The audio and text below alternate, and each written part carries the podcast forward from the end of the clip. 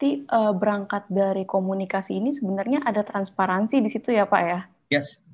Ya. Yeah. Nah, itu kan uh, ketika misalkan uh, ketika CEO itu uh, berkomunikasi dengan para divisi-divisi yang lain gitu dan ataupun ketika si CEO uh, CEO ini uh, menyelesaikan sebuah konflik gitu. Nah, Bapak sebagai CEO sendiri tuh pernah merasakan bahwa ada titik jenuhnya nggak Pak? Ketika oh ternyata uh, ada ini lagi, kemarin sudah pernah dibahas ada ini lagi. Nah itu pernahkah Bapak ada di posisi itu dan bagaimana Bapak bisa uh, bisa keluar dari sana dan Bapak harus tahu nih bahwa perusahaan ini harus bergerak gitu. Nah itu bagaimana Pak mengatasinya? Okay. Uh, eh, saya seorang sanguin ya kalau istilah kepribadian ini saya sanguin. Jadi uh, moodnya kadang-kadang goyang-goyang begitu gitu ya. Kadang-kadang saya bisa very energetic, kadang-kadang enggak gitu. Uh, awal-awal saya pikir oh ya karena saya sanguin maka saya begitu tapi ternyata kita bisa ngehack body kita, kita bisa ngehack pikiran dan body kita. Paling simpel, saat saya olahraga tiap pagi sama saat saya nggak olahraga tiap pagi, itu produktivitas saya beda. Produktivitas saya beda.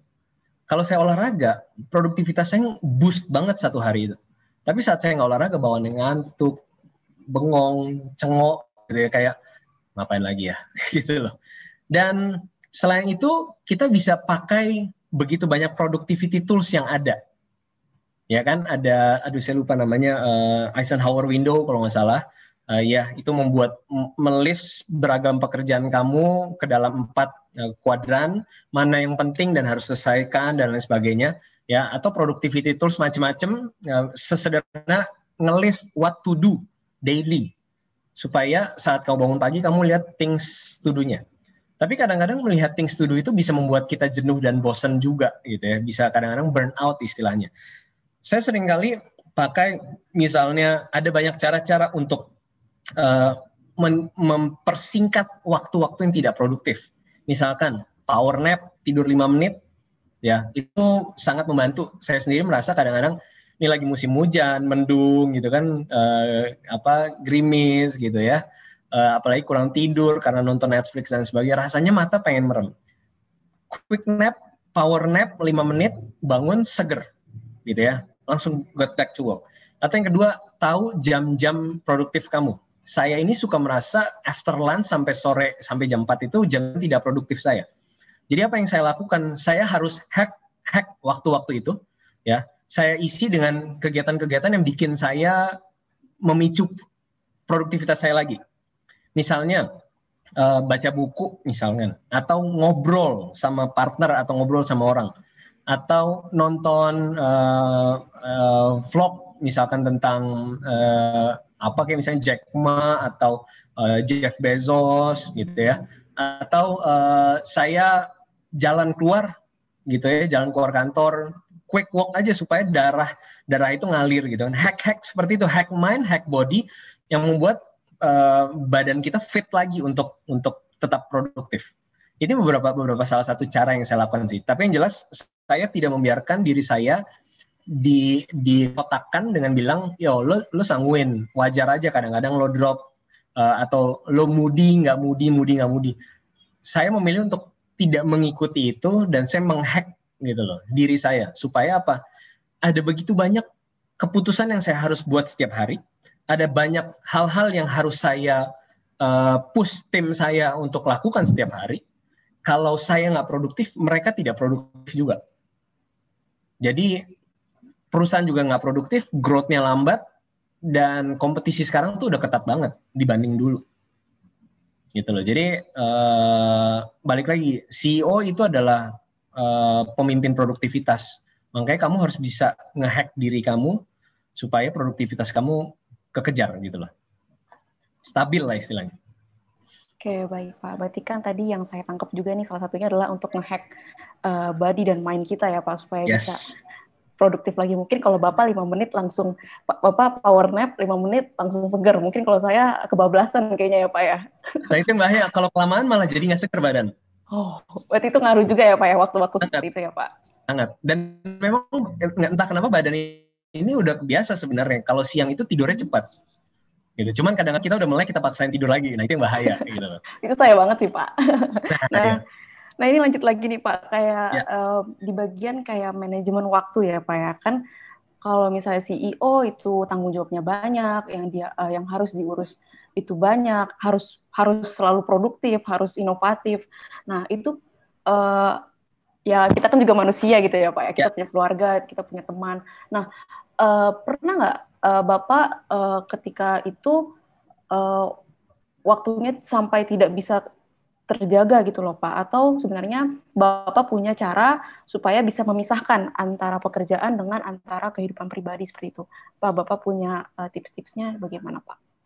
Oke, okay, uh, saya harap saya termasuk yang bisa memisahkan ya karena uh, tapi sebenarnya ada beberapa tips yang saya juga lagi lagi lagi jalanin gitu. Jadi kayak misalnya uh, ada quality yang ini, yang penting bukan bukan kuantitasnya, yang penting bukan jumlahnya tapi kualitasnya. Jadi misalkan bisa aja saya menyediakan waktu untuk anak saya uh, dua jam misalkan. Tapi selama dua jam itu saya cuma bengong, tidak engage sama anak saya. Saya nggak nggak terlibat ke dalam dunia fantasinya anak saya gitu.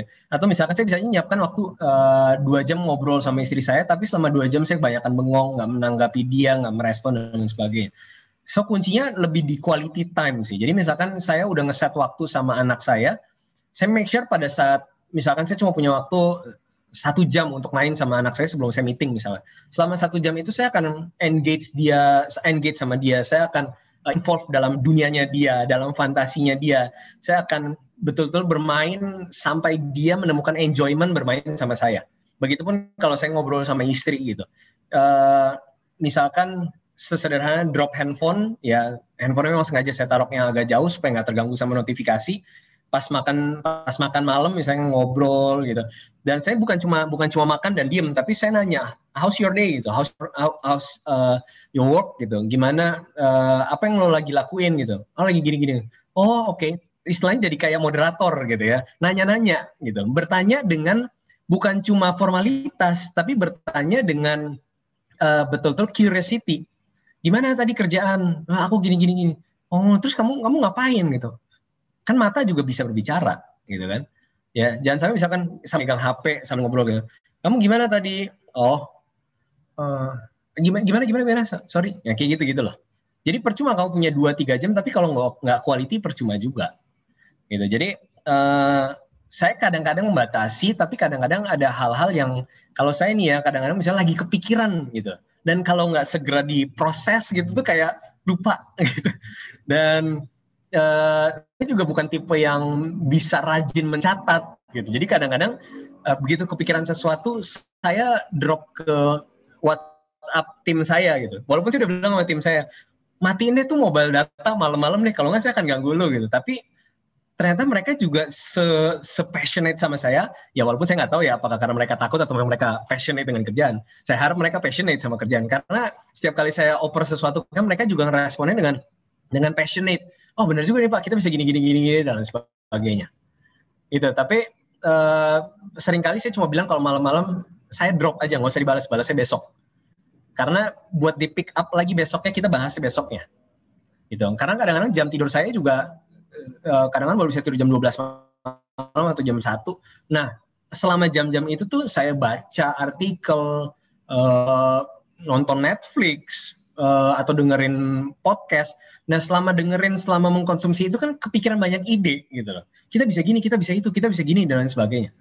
Nah, kalau saya tinggalin, saya bisa kelupaan gitu. Tapi tips buat kalian mungkin kalian bisa pakai notes dan catat gitu. Ini oke okay, ini buat dibahas besok, ini buat dibahas besok, ini buat dibahas besok. Catat aja supaya nggak ketinggalan. Kadang-kadang saya pakai uh, voice recording. Kita perlu bahas tentang ini karena kayaknya kita bisa begini gini gini gini Nah besok didengerin lagi gitu. Tapi kalau soal pembagian waktu, uh, ya saya ada waktu untuk olahraga, saya ada waktu untuk jalan sore sama anak saya, saya ada waktu untuk cuci piring gitu ya. Karena momen cuci piring itu momen zen, momen yang menyenangkan. Kenapa? Karena tidak ada gadget di hadapan kamu, kamu cuma mencuci piring, mau nggak mau kamu berpikir dong.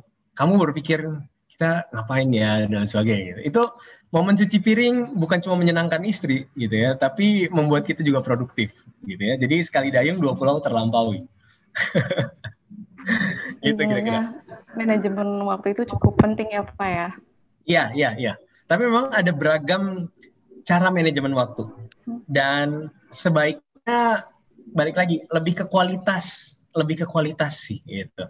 Jangan jangan kayak oke okay, jam segini sampai jam segini boleh aja begitu. Selama itu works buat kamu boleh aja. Tapi balik lagi, ada ratusan ribuan CEO, mereka punya cara kerja masing-masing, dan kalian mesti coba mana yang cocok buat saya, apakah pembagian waktu ini sesuatu yang cocok buat saya atau enggak. Paling simpel misalkan Jeff Bezos pembagian waktunya, kalau eh, keputusan-keputusan bisnis yang penting, gue akan buat sampai maksimal jam 11 siang. Setelah itu gue nggak mau buat keputusan-keputusan penting sampai sore. Kenapa? Karena jam-jam siang sampai sore itu, kalau bahasa saya jam-jam bego gitu, jam-jam kayak hah gimana gitu. Dan berbahaya membuat keputusan penting di jam-jam itu. Gitu loh. Nah, oke nih Pak. Uh, banyak gitu ya yang sudah Bapak Bapak kemukakan itu banyak ada komunikasi, manajemen waktu yang khususnya dititik beratkan pada kualitas, kemudian ada transparansi, ada network. Nah, sekarang kita melihat dari uh, bisnis artisan profesional itu ya Pak ya. Yuk. Nah itu saya agak saya agak kepo-kepo dikit ke Instagramnya kepo itu. banyak juga boleh. Kenapa Pak maaf? Kepo banyak juga boleh. Oh ya. itu waktu pas uh, saya lihat di Instagramnya itu sudah ada 258 ribu follower ya Pak ya. Wah saya malah lupa. nah itu sudah Iya, terus uh, kemudian saya melihat ternyata sudah banyak juga kerjasamanya dengan uh, Malaysia, kemudian ada di Filipina dan juga ada di Singapura. Nah, itu uh, pasti prosesnya juga panjang ya Pak ya. Nah, itu hmm. bisa sampai uh, seperti itu uh, bagaimana gitu Pak? Bagaimana mungkin yang uh, yang akan saya tanyakan di sini adalah uh, bagaimana bisa bisa membuat uh, store yang ada di luar gitu. Itu bagaimana Pak? Prosesnya itu bagaimana? Oke, okay. uh, eh, kalau bilang store sebenarnya belum dan uh, sebenarnya store adalah uh, bentuk bisnis model yang saya nggak terlalu pengen saat ini. Kenapa? Karena costly. Ya sekarang dengan dengan kamu lihat uh, pandemi begini banyak yang akhirnya tutup toko karena costnya gede sekali, gitu ya. Buat saya lebih penting penyerapan pasarnya, gitu. Uh, store kadang-kadang itu bicara tentang uh, ya availability tapi juga kredibilitas merek Nah, dalam skala kita saat ini, saya belum melihat bahwa store adalah satu hal yang perlu kita kejar. Kenapa?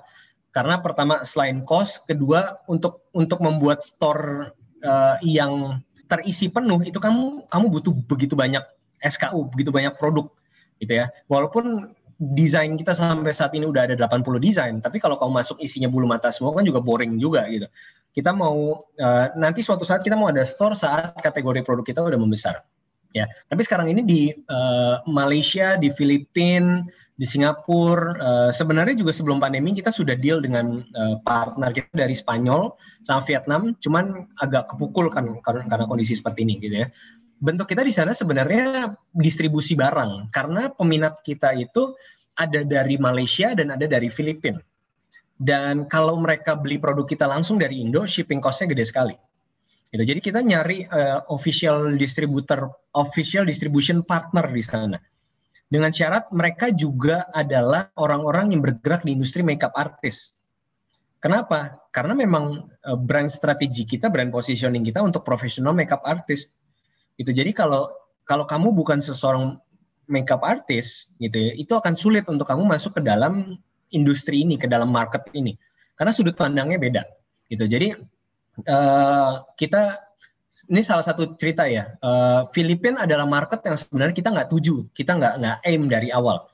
Tapi uh, waktu itu saya lupa juga persisnya. Singkat cerita, salah satu retail besar dari Filipina ini mereka lihat uh, Instagram kita dan mereka tertarik dengan uh, apa betapa produk kita bukan cuma followersnya banyak, tapi penggunanya banyak uh, branding juga bagus gitu ya. Dan mereka langsung kontak kontak kita dan mereka langsung bilang saya mau kamu ada di store saya gitu. Uh, ya udah dari yang tadi nggak jadi target kita langsung set kita mau ke Filipina begitu kita Filipina kita langsung sign kontrak langsung deal ada di sana. Tapi singkat cerita uh, store ini juga mereka store-nya nggak berhasil bukan kitanya. Tapi gara-gara gara-gara kita ketemu partner store itu kita jadi ketemu distributor lain. Itu jadi uh, kalau ditanya step-stepnya gimana, uh, beda-beda. Cara masuk Malaysia juga beda, masuk Filipina beda, masuk Spanyol juga pendekatannya beda-beda. Tapi yang jelas maintain your brand dulu. Buat brand kamu seksi istilahnya zaman sekarang gitu ya. Buat brand kamu itu appealing, menarik. Gitu. Karena itu akan attract awareness-nya orang. Tapi ada yang lebih penting dari brand awareness. Apa? Ya kualitas produk kamu. Banyak yang suka lupa di sini gitu loh. Awareness-nya, ads-nya ke mana-mana, promosinya gencar ke mana-mana, tapi kualitasnya nggak dijaga. Dan pada akhirnya brand awareness campaign itu kan cuma tujuannya mendatangkan customer baru. Tapi kualitas produk mempertahankan customer. Jadi ini dua hal yang penting sebenarnya gitu ya. Awareness tetap dibangun. Kita juga sekarang ini keluar negeri apa yang kita lakukan? Kita uh, kirim produk-produk kita ke uh, profesional makeup artist di beragam negara. Ada beberapa negara yang lagi jadi tujuan baru kita. Kita kirim terus, kita kirim ke mereka supaya apa? Mereka cobain, mereka ngerasain kualitasnya kita benar dan mereka pakai dan mereka influence followersnya mereka. Itu salah satu cara yang kita lakukan. Kenapa? Karena budget kita nggak gede. Budget kita nggak gede. Tapi kita tahu produk kita ini pasti diinginkan. Kenapa? Karena kita developnya nggak main-main. Jadi yang kita lakukan, kita kirim free produk dulu ke para top makeup artist. You must try. Gue yakin sama produk gue. Lo mesti try dulu, lo mesti coba Nah makanya para business owner, lo mesti yakin dulu sama produk lo sebelum lo jual produk lo. Kalau lo sendiri nggak yakin sama produk lo, lo cuma akan terjebak ke bluffing-bluffing marketing yang tidak akan mempertahankan customer kamu. Gitu. Berarti di sini uh, sebelum dari brand awareness itu, produk value itu harus ditingkatkan juga ya Pak ya? Itu yang ya. pertama bahkan ya? Ya, produk benefitnya. Kan benefit ada dua ya, produk benefit sama emotional benefit produk benefitnya harus kamu jaga dulu sebelum masuk ke emotional benefit. Baik Pak. Nah ini kan sekarang lagi pandemi ya Pak ya. Nah ya. itu uh, bagaimana akhiran uh, bagaimana akhirnya uh, dari produk artisan pro ini harus bertahan gitu. Apa sih Pak yang yang cara-cara apa sekarang yang sedang ditempuh seperti itu? Oke, kita paling kepukul tuh sebenarnya bulan April, ya, karena uh, mayoritas customer kita adalah profesional makeup artist waktu lockdown otomatis tidak ada event. Ya, tidak ada event. Jadi ya beli bulu mata buat apa gitu. Tapi terus kemudian tim kita mikirin gimana caranya eh, kita harus munculin reason untuk orang beli bulu mata kita. Walaupun uh, walaupun lagi lockdown tidak-tidak tetap ada transaksi. Ya ini involve uh, financial strategy juga, ini juga involve production strategy. Tapi kalau kita ngebahas khusus dari uh, markom strateginya atau atau sales strateginya, yang pertama yang kita lakukan waktu itu kita kita uh, buat campaign buat para makeup artist. Jadi kita buat challenge. Challenge-nya apa? Uh, ayo walaupun lagi pandemi, lo nggak ada event, tapi improve your makeup skill. Caranya gimana? Ya pakai produk artisan, uh, buat makeup look lo, berkreasi, coba look-look baru, gitu ya, coba tampilan-tampilan baru. Ini waktunya lo berinovasi, ya. Uh, dengan begitu kan kita jadi push mereka untuk ayo beli untuk berlatih. Ayo beli untuk tetap menggunakan produk artisan, walaupun lo lagi nggak ada event. Ya memang pada akhirnya jumlah pembelian mereka nggak bisa pada saat normal gitu kan. Tapi kan kita harus menjaga juga pembelian. Itu yang pertama. Yang kedua, diskon. Mau nggak mau diskon. Kita kita betul-betul waktu itu uh, untuk menyelamatkan beberapa bulan pertama kita sales promo, kita banting harga benar-benar. Tujuannya apa? Untuk ngejaga cash flow. Untuk ngejaga cash flow supaya karena waktu itu kan bulan April kalau nggak salah Mei itu udah Lebaran Mei atau Juni saya lupa Mei kalau nggak salah atau Juni deh udah mau Lebaran dan kita harus bayar THR gitu kan kita harus bayar THR jadi waktu itu kita fokus sama cash flow kita buat diskon uh, itu strategi yang kedua strategi yang ketiga jadi gini main market kita kan professional makeup artist tapi ada second linernya Ya ada ada ada ring keduanya. Siapa? Beauty enthusiast. Orang-orang yang bukan makeup artist tapi memang suka makeup. Gitu. Orang-orang yang suka makeup. Dan kita melakukan analisa, tim sales melakukan analisa, tim sales bawa data dan dia bilang ini walaupun kita lagi drop ya, penjualan di salah satu e-commerce ini meningkat. Oke, terus kita gali lagi, penjualan apa yang meningkat? Penjualan item-item yang uh, memang untuk individual use untuk penggunaan bukan untuk event. Kita yang yang pakai satu layer aja udah udah apa tuh cetar gitu ya. Udah udah udah looks good. Kita kan ada beberapa kode ya yang uh, begitu kamu pakai matamu nggak usah diapain udah wow gitu ya. Nah ternyata penjualan di item-item itu meningkat during pandemi. Sales bawa data. Kita discuss sama Markom. Oke, okay, boost uh, promotion, boost activity, boost diskon untuk produk-produk yang lagi selling well ini. Itu. Kita lihat juga kan back size-nya menurun, spending per customer-nya menurun. Oke, okay, uh, dari dua analisa ini apa yang bisa kita simpulkan? Kayaknya kita bisa dapat opportunity di market ini deh oke okay, kita work on market ini dulu aja deh. Karena mau nggak mau market main marketnya lagi lumpuh, lagi berhenti total karena lockdown. Jadi ya kita harus pikir strateginya. Uh, nah ini ini yang penting ya analytical thinking sama creative thinking. Analytical analytical thinking melihat kita ada potensi di mana. Ya search ke semuanya, evaluate. Oh ternyata ada kenaikan di sini. Oke, okay. creative thinkingnya mulai dihidupkan. What can we do dengan data-data ini, data analisa ini? What can we do? oke okay, gimana kalau kita buat ini? Gimana kalau kita buat ini? Gimana kalau kita buat ini? Dan hasilnya, uh, thank God waktu itu kita kita minus cuma di bulan April. Uh, since then kita climbing up, tapi we're doing really really, really well. Ternyata strateginya tim artisan works well, ya uh, membuat kita tidak perlu potong gaji sama sekali yang dipotong cuma si levelnya aja ya. Uh, kita kita nih yang dipotong gitu ya si level yang dipotong gitu ya CEO dipotong gitu ya. Terus THR dibayar full on time. Ini gara-gara semua work on bersama-sama untuk ayo what can we do? Jangan cuma ngeluh berpangku tangan tapi apa yang bisa kita lakuin? Jadi kira-kira gitu. Berarti ini uh, kalau di pandemi itu di pandemi ini uh, yang penting itu adalah inovasi berarti ya Pak ya salah satunya. Yeah jangan jangan takut untuk melakukan sesuatu yang uh, di luar dari biasanya. Tapi balik lagi harus berangkat dari data. Harus ada analyticalnya. Area mana nih yang bisa kita lakuin, yang bisa kita improve, area mana yang bisa helps kita. Apa yang harus kita lakukan?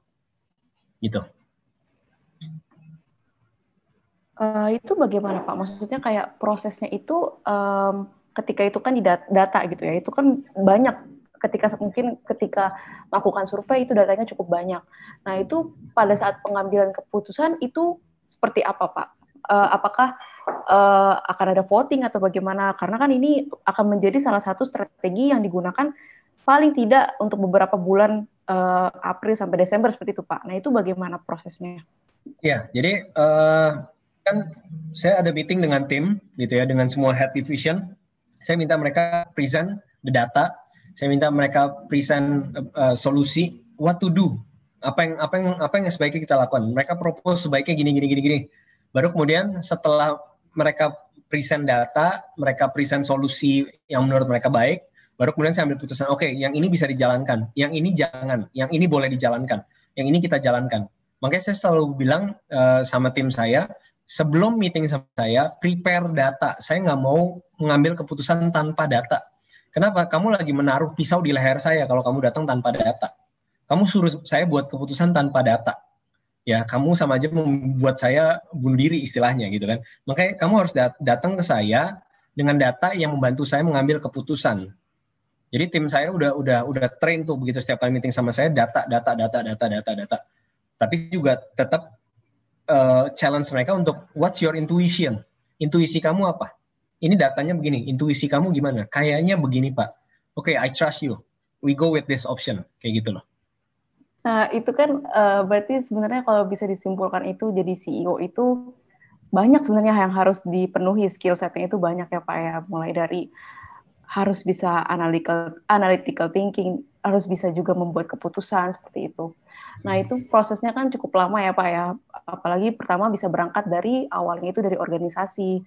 Nah, ada nggak satu momen uh, yang bapak yang bapak rasakan bahwa um, ada satu momen di mana oh ini bisa nih ini yang bisa menjadi uh, gaya gaya kepemimpinan saya di artisan pro ini seperti itu. Ada nggak satu momen yang uh, membuat bapak oke okay, saya akan menerapkan seperti ini gaya gaya kepemimpinan saya seperti itu?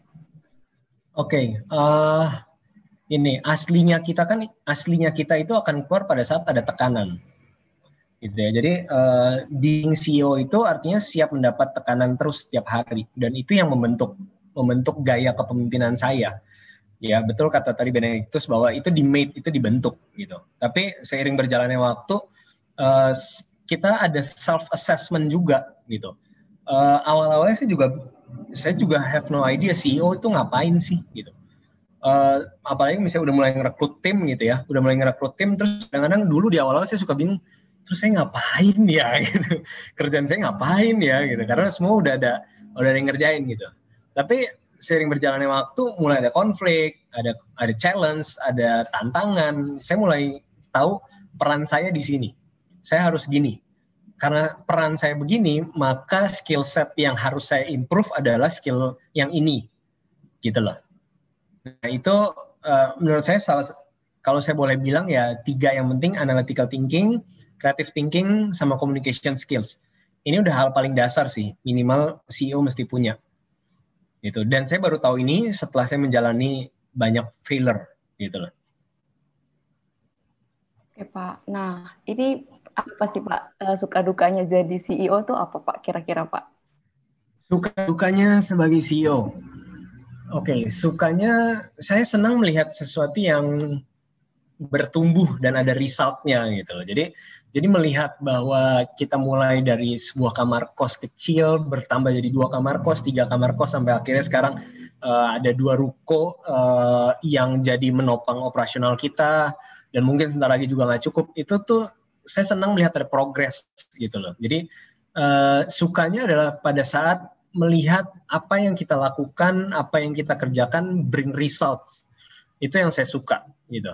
Tapi uh, dukanya adalah apa ya? Dukanya uh, ya sering kali harus siap gini. Saya awalnya orang yang suka nggak enakan sama orang. Bilang no atau enggak itu sesuatu yang berat buat saya. Ya, kalau misalkan saya habis membuat keputusan yang sulit, itu saya bisa mikirin itu orang itu mikir apa ya tentang saya ya dan sebagainya. Ya, uh, agak agak berhati lembut juga nih kelihatannya gitu ya. Tapi saya seiring berjalannya waktu ya saya berlatih gitu mengatasi bahwa ya lo lo harus tahu gitu ini hal yang gue harus ambil resiko gue sebagai seorang CEO yang mungkin akan membuat orang gak nyaman dengan keputusan-keputusan gue. Jadi dukanya adalah ya saat saat harus membuat keputusan-keputusan yang uh, mungkin nggak favorable buat beberapa orang atau yang harus membuat beberapa orang eh, nggak uh, nyaman karena basically saya adalah dulunya people pleaser gitu loh. Tapi I challenge myself untuk yang nggak bisa gitu loh.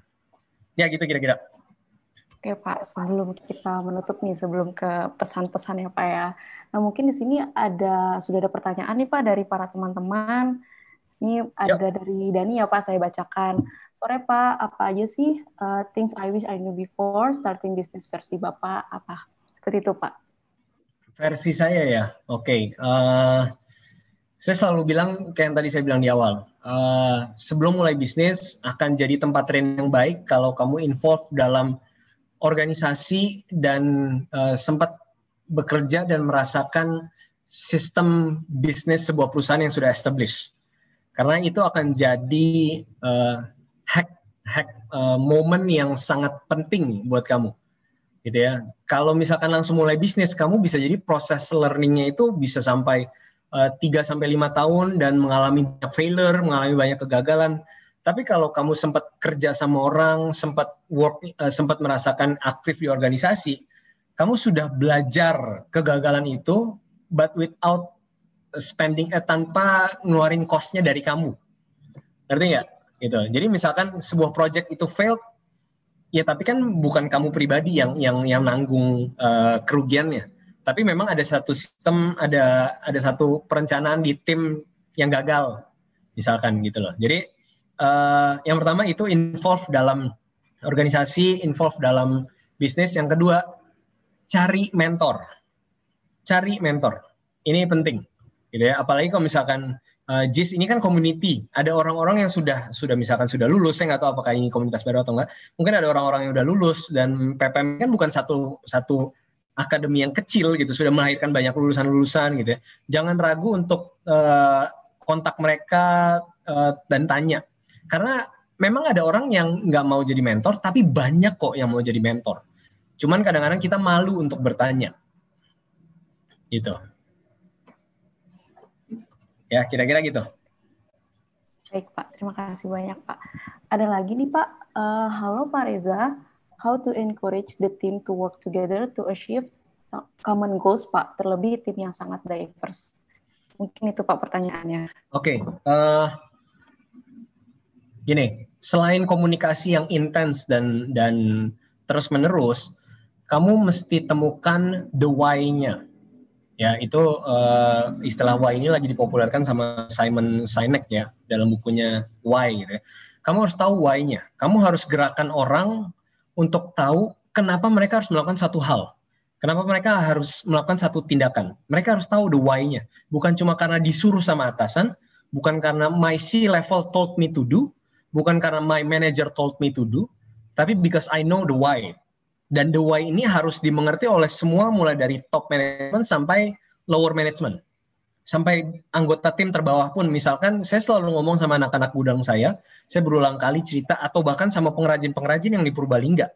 Ya, uh, saya uh, setiap setiap setahun itu uh, kita saya ada ada ngomong ke mereka, saya kasih tahu visi kita apa. Bahkan saya ngomong ke mereka, ke pengrajin, yang sebenarnya tidak tidak secara langsung berada di bawah uh, organisasi kita. Tapi kan bagaimanapun mereka naungan kita. Saya ngomong sama mereka, saya ceritain visinya apa. Saya kasih tahu mereka dan saya bilang, e, Pak, Bu, saya bilang itu sama mereka. Setiap bulu mata palsu yang Bapak Ibu lagi kerjakan saat ini, mungkin kelihatannya nggak penting. Tapi tahu nggak, bulu mata palsu yang Bapak Ibu lagi kerjakan di tangan Bapak Ibu saat ini, itu bisa saja suatu saat dibuka dan dipakai di matanya Lady Gaga misalkan, misalnya, atau dipakai oleh siapa? Siapa ya artis zaman sekarang ya? Uh, Blackpink misalkan. We'll never know, Pak, Bu. This is why penting untuk kita semua selalu jaga kualitas. Karena kita nggak tahu produk kita ini akan dipakai siapa. Dan saat produk terbaik kita sampai di tangannya makeup artis dari seorang artis yang ternama dan si artis suka dan kebayang nggak bisnis kita akan legitnya seperti apa itu saya ngomongin ke pengrajin yang di Purbalingga yang saya nggak banyak interaksi. Tapi tapi saya memastikan bahwa bahkan cuma masukin uh, cuma naruh bulu mata ke dalam bukannya aja itu penting loh. Itu penting loh. Kalau Anda asal-asalan, ya, review customer jelek, kita kena, Bapak Ibu juga kena juga. Jadi mereka harus tahu seberapa penting dan why mereka harus menjaga standar kualitas yang mereka kerjakan. Mereka harus tahu. Ini yang akan mengengage mereka. Jadi mereka nggak lagi melakukan kegiatan yang rutinitas, misalkan, misalkan masukin, uh, masukin Ya ini contoh ya, ini contoh. Ini lagi launching nanti tanggal 11 gitu ya. Misalkan ini kan sebelum diboxin, ini sebelum diboxin. Nanti kan harus dimasukin ke dalam boxnya, seperti ini. Gitu kan ya. Ini kan proses masukin ini proses proses yang rutin tapi bisa membosankan. Tapi mereka harus tahu kenapa bahkan memasukkan ini ke dalam sini aja harus dilakukan dengan sang kehati-hatian dan wholehearted. Kalau Anda masukinnya salah, kebalik masukinnya, box-boxnya rusak ujung-ujungnya nilai customer terhadap brand kita turun. Customer akan melihat, ya brandnya asal-asalan banget. Tapi kalau Anda melakukannya dengan sangat teliti, sepenuh hati dan sempurna, nilai brand kita naik. Nilai brand naik artinya customer bertambah. Artinya kesejahteraan kita meningkat. Artinya skala hidup kita meningkat. Jadi saya jadi aku harus kasih tahu mereka, pentingnya dari hulu ke hilir, the why-nya mereka harus tahu. Dan harus dikomunikasikan dengan intens. Karena orang bisa lupa. Jadi caranya gitu ya. Komunikasikan the why. Itu penting ya Pak ya, bahwa uh, komunikasi itu tadi balik lagi itu penting. Uh, semoga menjawab teman-teman jawaban dari Bapaknya. Ada lagi nih Pak, ada yang bertanya lagi? Ya. Pak, saya mau nanya, ada nggak ya kira-kira kehilangan terbesar Bapak saat menjadi CEO? Oke, kehilangan kehilangan apa ya? Uh, mungkin uh, ini salah satunya saat kita melihat orang yang udah kita train, udah kita bentuk gitu ya, terus kemudian pindah ke perusahaan lain.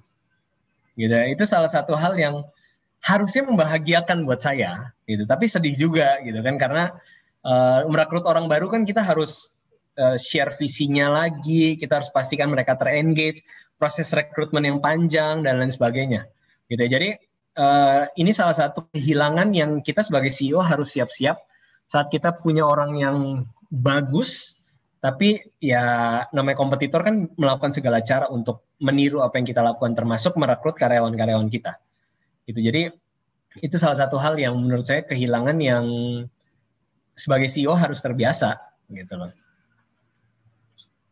Karena sebenarnya kalau kepercayaan itu sudah susah ya pak ya. Kalau misalnya udah pernah dikasih ke orang tapi ternyata dia uh, mengkhianati itu kan salah satu pukulan juga ya pak ya ya saya nggak bilang dia mengkhianati sih, tapi mungkin uh, dia punya challenge lain yang yang istilah kompetitor berhasil engage dia gitu misalkan. Jadi ya ya sudah gitu. Makanya saya selalu bilang di proses job interview pada saat interview nyari kerja itu kayak pacaran, kayak mau nikah gitu. Jadi harus sama-sama ketemu chemistry-nya gitu loh. Jangan cuma sekedar karena di sini gajinya gede, tapi kamu harus lihat chemistry kamu sama sama uh, perusahaan kamu ini nanti itu chemistry-nya dapat nggak? Makanya ada kan ada probation moment. Nah, makanya pada saat momen probation ini harus dimaksimalin gitu. Jadi kalau kamu resign pada saat momen probation, ya it's okay, toh momen probation gitu loh. Oke nih Pak, uh, karena waktunya sudah mulai sedikit, ya. mungkin yeah. mungkin Bapak punya pesan-pesan untuk kita teman-teman semua yang mungkin nantinya akan mengikuti nih jejak Bapak seperti itu akan menjadi seorang CEO. Yeah. Boleh Pak pesan-pesannya? Oke, okay. saya berharap banget semua berapa orang nih? 59 partisipan yang hadir hari ini suatu saat nanti kalian semua bisa ngeluarin brand-brand yang berstandar global. Indonesia butuh itu. Kita selama ini dikenal sebagai negara pengimport merek. Kita dikenal sebagai negara pengimport merek. Tapi jarang sekali kita mengekspor merek keluar Ya, dan saya berharap banget kita bisa menembus market global ya dengan standar yang uh, tentunya diakuin dunia gitu ya. Dan ini lahir dari anak-anak muda yang dari sedini mungkin sudah mempersiapkan bisnisnya nggak main-main. Uh, jangan run your business seperti seorang cowboy without planning, without strategic plan. Ya, karena semua orang lagi mau jadi pebisnis sekarang. Jadi make sure uh, lagi kuliah kan ya, make sure setiap materi kuliah didengerin dengan baik. Gitu ya. Banyak materi yang saya nyesel kenapa saya titip absen saya bolos gitu ya. Terutama dalam hal finance dan accounting gitu ya. Jadi pesan saya ikutin baik-baik karena suatu saat akan kepake apalagi kalau lo mau jadi CEO itu pasti akan kepake. Kita mau bangun uh, bisnis yang bukan cuma jadi penjual berdagang tapi yang bisa jadi uh, uh, perekrut uh, tenaga kerja Indonesia. Dan bukan cuma ngerekrut tapi train mereka naikin level kualitasnya mereka dan at the end naikin kesejahteraan mereka. Hanya dengan itu PDB-nya Indonesia bisa naik hanya dengan itu kesejahteraan kita bisa naik hanya dengan itu level uh, kualitas tenaga kerja kita bisa naik. Gitu. Ya, itu mungkin teman-teman perlu dicatat ya teman-teman, karena kan kita semua sebenarnya mungkin di sini masih ada pada masa-masa sekolah, masa-masa kuliah. Ya. Nah, berarti penting banget buat kita ya Pak ya harus harus salah satunya ya kalau misalnya dapat mata kuliah finance atau accounting itu harus benar-benar didengerin ya, gitu ya Pak. Itu bakal kepake banget. Ya. Oke, tuh teman-teman. Jangan ada titip-titip absen begitu ya Pak ya. ya. Ikutin saya dulu. Nah, full titip absen tapi lulus. Aduh, jangan deh. mohon maaf Pak, ternyata ada satu orang yang raise hand sebelum kita tutup nih Pak. Mohon maaf. Boleh, tidak Pak dijawab dulu pertanyaannya? Boleh, boleh, boleh. Tenang aja. Oke. Mungkin Farhan Andika bisa langsung open mic. Baik, uh, Kak, Bapak, terima kasih atas kesempatannya. Yes. Uh, saya ingin bertanya nih Pak, kan dalam memulai bisnis itu sering kadang uh, dalam brand kita tuh langsung tidak disukai oleh orang karena kualitasnya gitu Pak. Jadi kita baru memulai, nah bisnis kita tuh udah jatuh karena kualitas barang kita tuh udah gak bagus gitu. Jadi bagaimana cara kita membuat orang-orang itu bisa berminat lagi kepada produk kita itu terima kasih okay. ya uh, review ini gini customer Indonesia itu uh, behaviornya kalau ada produk yang tidak menyenangkan buat mereka mereka nggak mereview nggak komplain gitu ya. Nggak tahu sih sejak ada Shopee dan Tokopedia mungkin mereka komplain. Tapi kadang-kadang mereka nggak kasih bintang satu mereka kasih bintang tiga gitu ya. Bintang satu itu kalau ada bermasalah banget gitu ya. Nah sebenarnya review paling simpel bahwa produk kamu selling atau enggak sebenarnya paling gampang dilihat dari penjualan. Penjualannya harusnya semakin naik. Ya ini ini pertanda bahwa produk kamu diterima market. Kan makanya ada istilahnya produk market fit gitu ya. Produk kamu fit nggak sama market? Ya kalau nggak jalan gitu ya ya reviewnya bisa macam-macam. Misalkan kamu cek marketnya udah sesuai atau belum. Jangan sampai ternyata produk kamu ini nggak menjawab permasalahan di market. Belum tentu permasalahannya di kualitas. Belum tentu permasalahan di kualitas. Bisa jadi memang produk kamu tidak dibutuhkan di market. Ya, atau misalkan bisa jadi kamu menuju market yang salah. Ya, marketnya salah. Makanya saya selalu suka kalau misalkan ada bisnis baru yang kemudian butuh bantuan saya gitu ya. Saya selalu tanya, siapa yang siapa nih yang sudah berhasil beli produk kamu. Oh, uh, ada nih, ada satu orang yang akhirnya beli produk gue. Coba deh dia explore deh. Dia siapa? Kenapa dia beli? Karena reason to buy itu akan jadi strategi utama kita. Oh, ternyata dia belinya karena ini. Itu. Nah, tapi kalau misalkan karena kualitas yang kualitas yang buruk, ya kamu pasti akan kehilangan customer itu. Ya, tapi kamu bisa improve kan, kualitasnya bisa kamu improve. Misalkan ganti supplier, ya ganti supplier atau misalkan ganti pada saat QC checking ya sebelum dikirim customer kamu kamu QC-nya dobelin misalkan atau kamu ganti orang yang QC checkingnya salah eh, nggak rapih misalkan. Ya itu bisa kamu ganti atau kamu ngomong sama dia untuk ayo dong QC kamu diperbaikin dong. Ya jadi bisa jadi kalau dalam hal kualitas uh, seperti itu. Gini produk eh, brand itu akan stay di mindnya customer. Jadi bisa aja produk kamu fail, tapi brandnya tuh akan stay. Artinya gini, ada chances buat kamu perbaikin kualitas produk kamu. Lewat apa? Ya, ganti supplier, QC-nya diperbaikin, tapi proses brandingnya, proses marketingnya nggak boleh berhenti, tetap jalan terus. Ya, tetap jalan terus. Jalan terus, nanti akan datang customer-customer baru.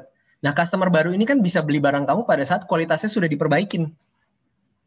Nah, yang lama, yang kecewa, kamu bisa lakukan. Dulu saya sering lakukan uh, gini. Kalau kamu kecewa, misalkan karena ada produk yang kamu terima nggak pas gitu, uh, kirim balik ke saya. Ongkir saya yang tanggung, saya akan gantikan bahkan dengan produk yang lebih uh, saya kasih bonus. Jadi dari dari disappointed customer jadi delighted customer. Dia dari kecewa tapi jadi wow, oke okay, this is too much tapi thank you banget loh. Gitu. Ya, jadi itu dua caranya ya. Jadi eh tiga cek dulu yang nggak jalannya karena apakah benar kualitas atau karena masalah di produk fit mm, produknya nggak fit sama market. Ya, yang kedua cek supplier kamu, cek sistem QC kamu ini diperbaiki. Yang ketiga yang sudah sudah bermasalah regain lagi touch mereka lewat personal kontak, personal touch. Terima kasih, gitu. Mbak. Ya, sama-sama. Sukses ya Andika. Ya, berarti menjawab ya Andika ya pertanyaannya ya. Oke, nah Pak, mohon maaf nih Pak, ternyata sudah sudah habis waktunya.